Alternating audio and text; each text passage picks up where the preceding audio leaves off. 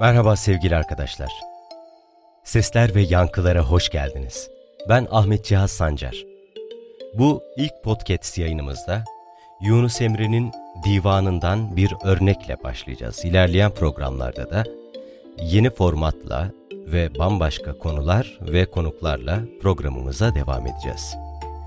İlk podcastimizde Yunus Emre'ye yer vermemin sebebi, Türk Edebiyatı'nda sadece tasavvuf açısından değil, Türkçe açısından da ziyadesiyle önemsediğim bir isimdir Yunus Emre.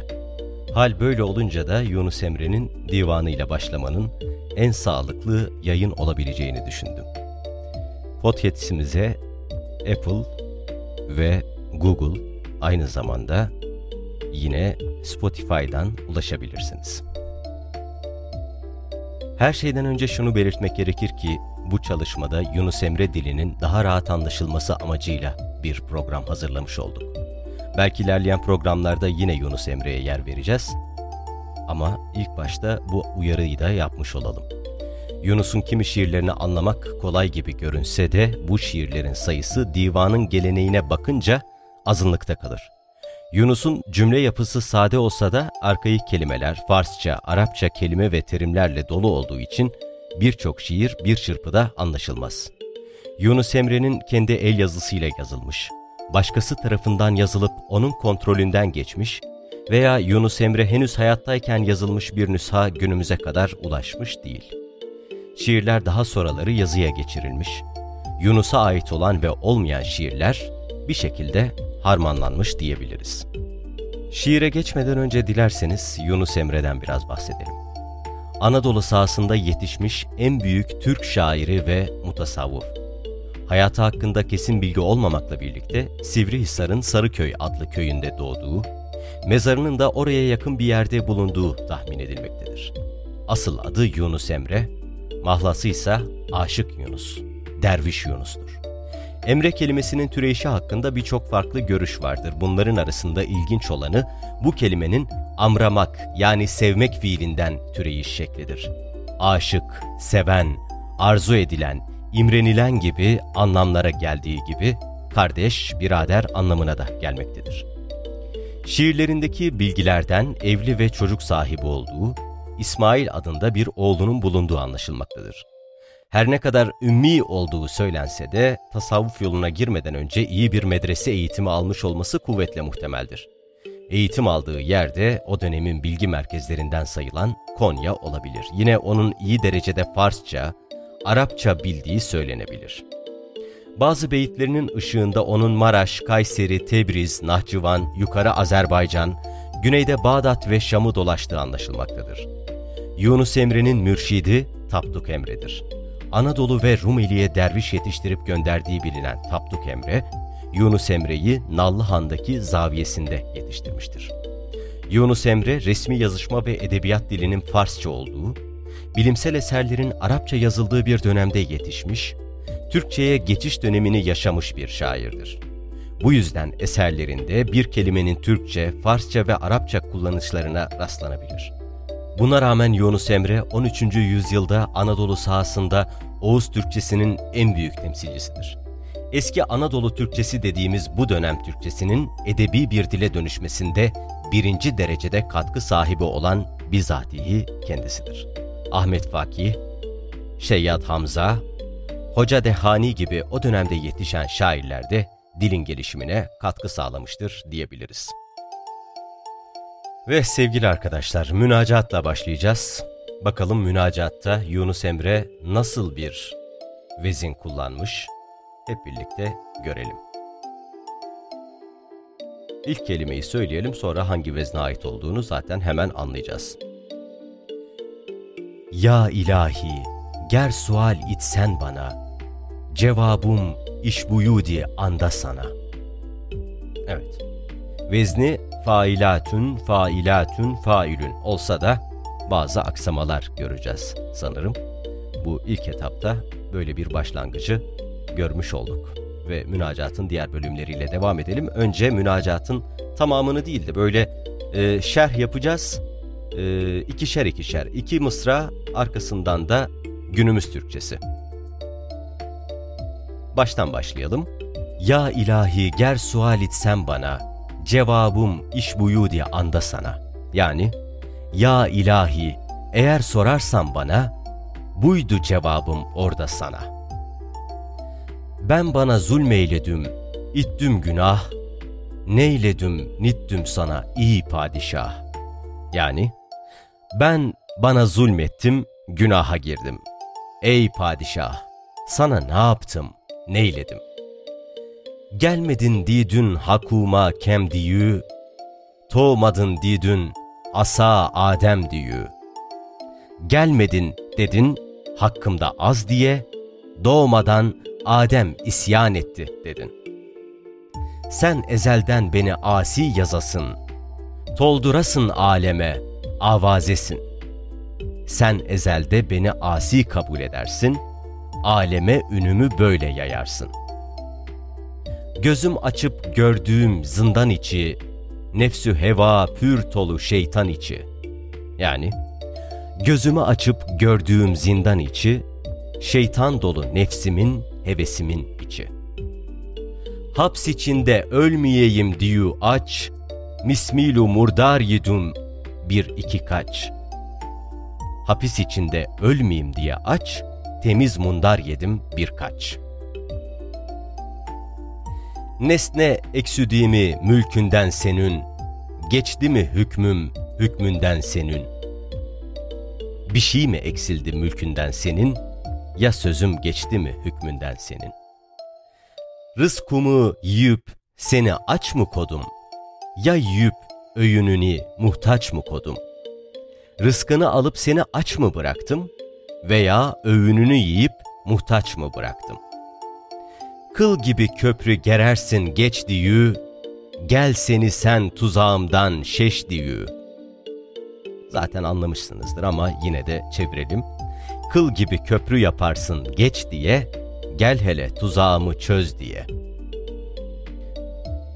Şu mısrayla bitirelim.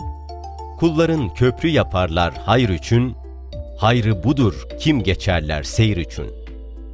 Kulların köprü yapar hayır için, hayrı şudur geçerler seyir için diyor münacatta Yunus Emre. Bu divanın bu arada son eseridir. Biz de adab-ı muaşeret çerçevesinde divanın en sonundaki eserden başlamış olduk sevgili arkadaşlar. Şimdi münacat mefhumuna dair de bir iki kelam eyleli isterseniz. Burayı bir daha söyleyeyim mi? Şimdi dilerseniz e, münacata dair de bir iki kelam eyleyelim.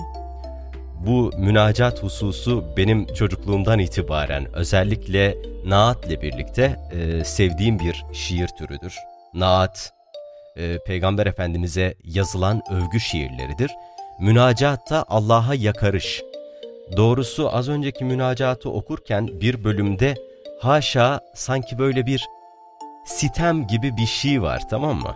Aslında münacatların birçoğunda edebi eserlerde biz bu bunu görebiliyoruz. Tabii edebi açıdan kendini yeteri kadar geliştirmemiş olan arkadaşlarımız acaba hadlerini aşarak Allah'a sitemde mi bulunuyorlar diye bazı eleştiriler getiriyorlar. Mesela e, Yunus Emre'nin az önceki münacatının ötesinde Mehmet Akif Ersoy'un da bir şiirinde hani böyle bir vurgu var.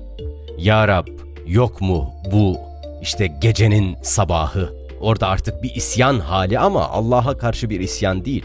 Bir yakarış neticesinde artık bitir yani içinde bulunduğum elemden beni kurtaracak yegane güç sensin. Beni böyle şeytanın avuçlarında e, oyuncak etmeyecek olan da sensin. Senin kudretinden sual olmaz.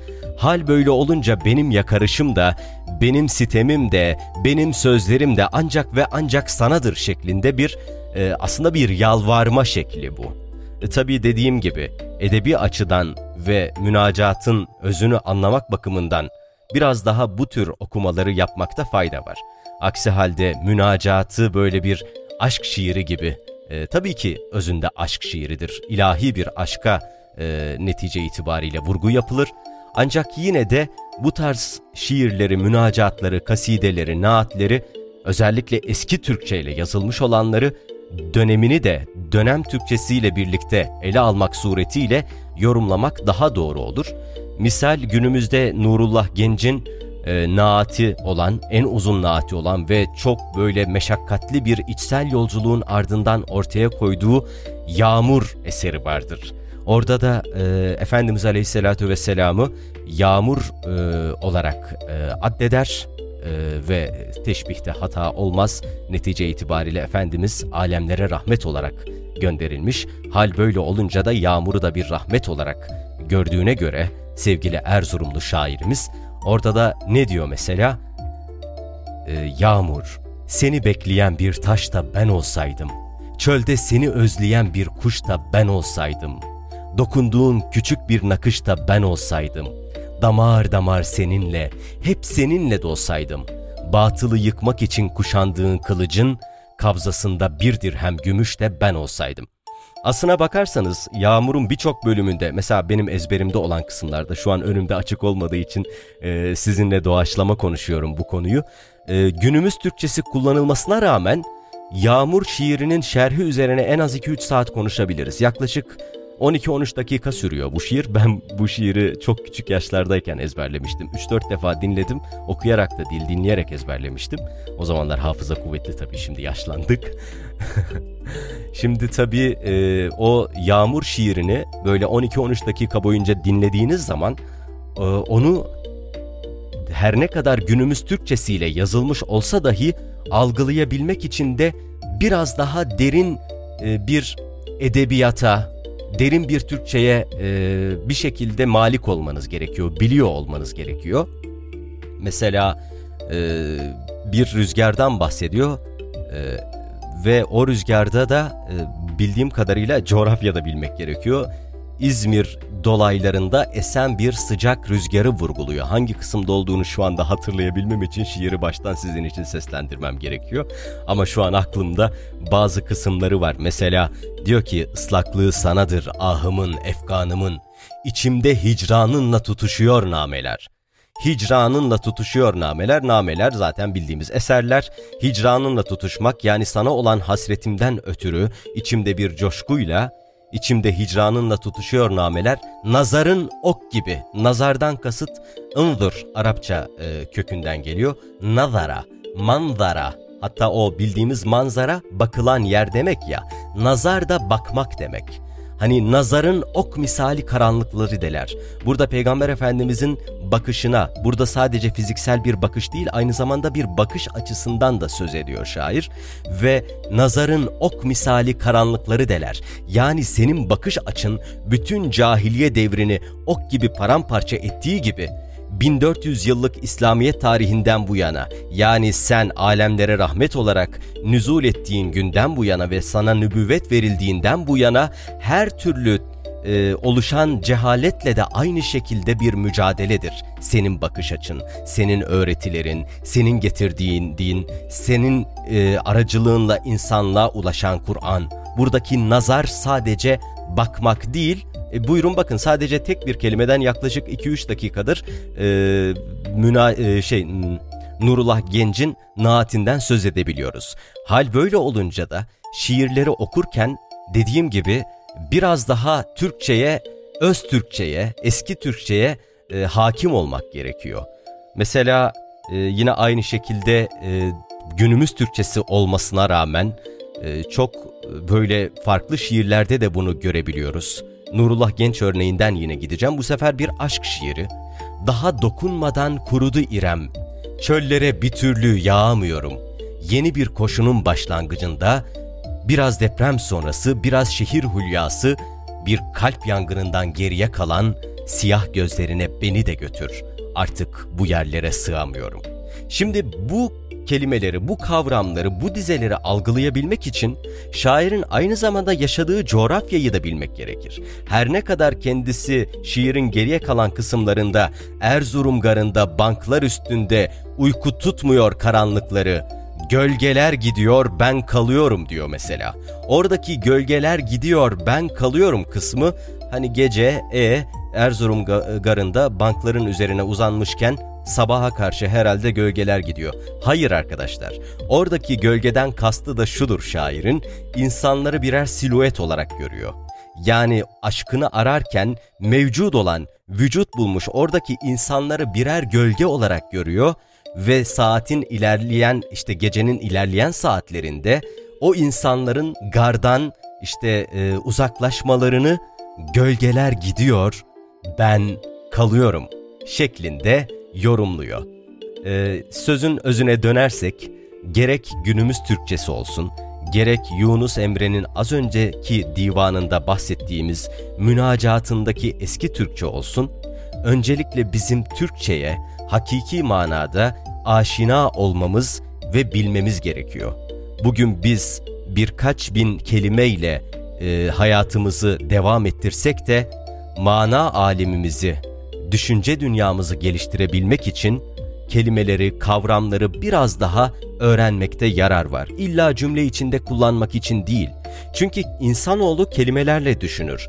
Kelimelerle düşündüğü için de kelime dağarcığı ne kadar az olursa o kadar dar düşünceye ve dar görüşe sahip olur.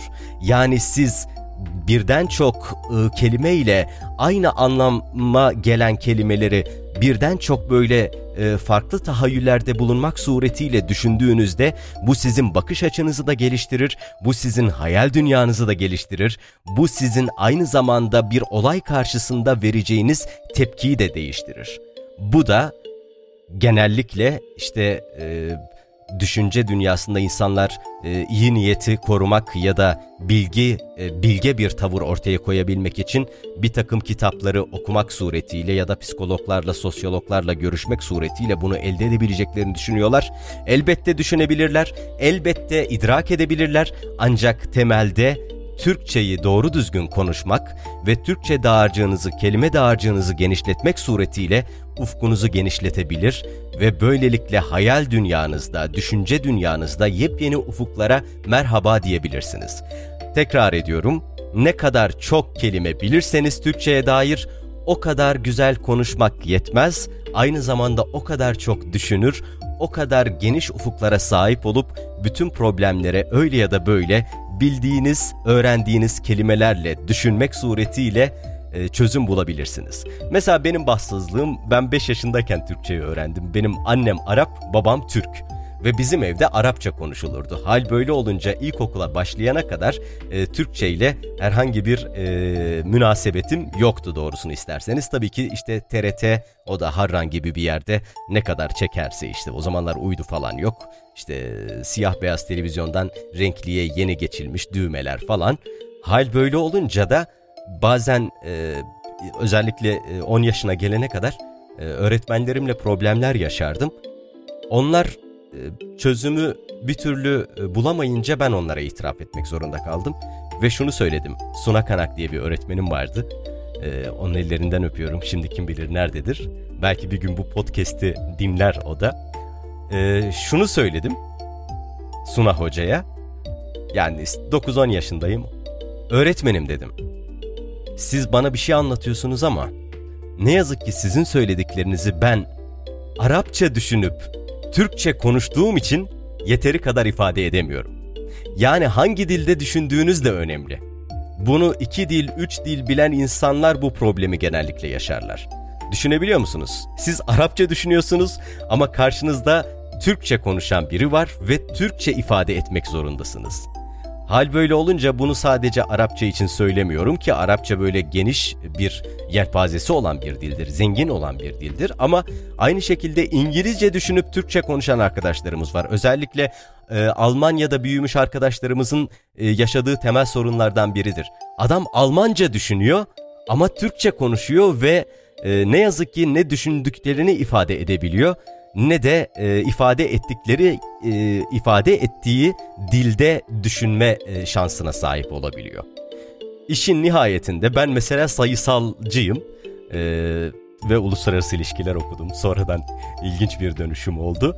E, doğrusu Türkçe'ye o kadar çok kafayı takmıştım ki ben asla şiveli konuşmayacağım dedim. Bütün etrafımdaki herkes Şanlıurfa'da e, şiveli konuşuyordu. Burada işte ne kadar mükemmel bir Türkçe konuştuğumu falan söylemeyeceğim. Zaten arada aksamalar yaşadığımı siz de görebiliyorsunuz. Ancak şunu kendime ödev belledim. Türkçeyi çok iyi öğreneceğim. Çok iyi kullanacağım, çok iyi konuşacağım. Ve işin nihayetinde arkadaşlar 5 yaşında öğrendiğim Türkçe ile 15 yaşına geldiğimde sizlerin izlediği filmlerde, dizilerde ben yabancı filmleri sizin için Türkçe seslendirecek kadar Türkçemi geliştirdim.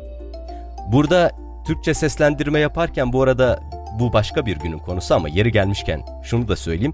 Sadece önümüzde çevrilen metinler üzerinden biz seslendirme yapmıyoruz.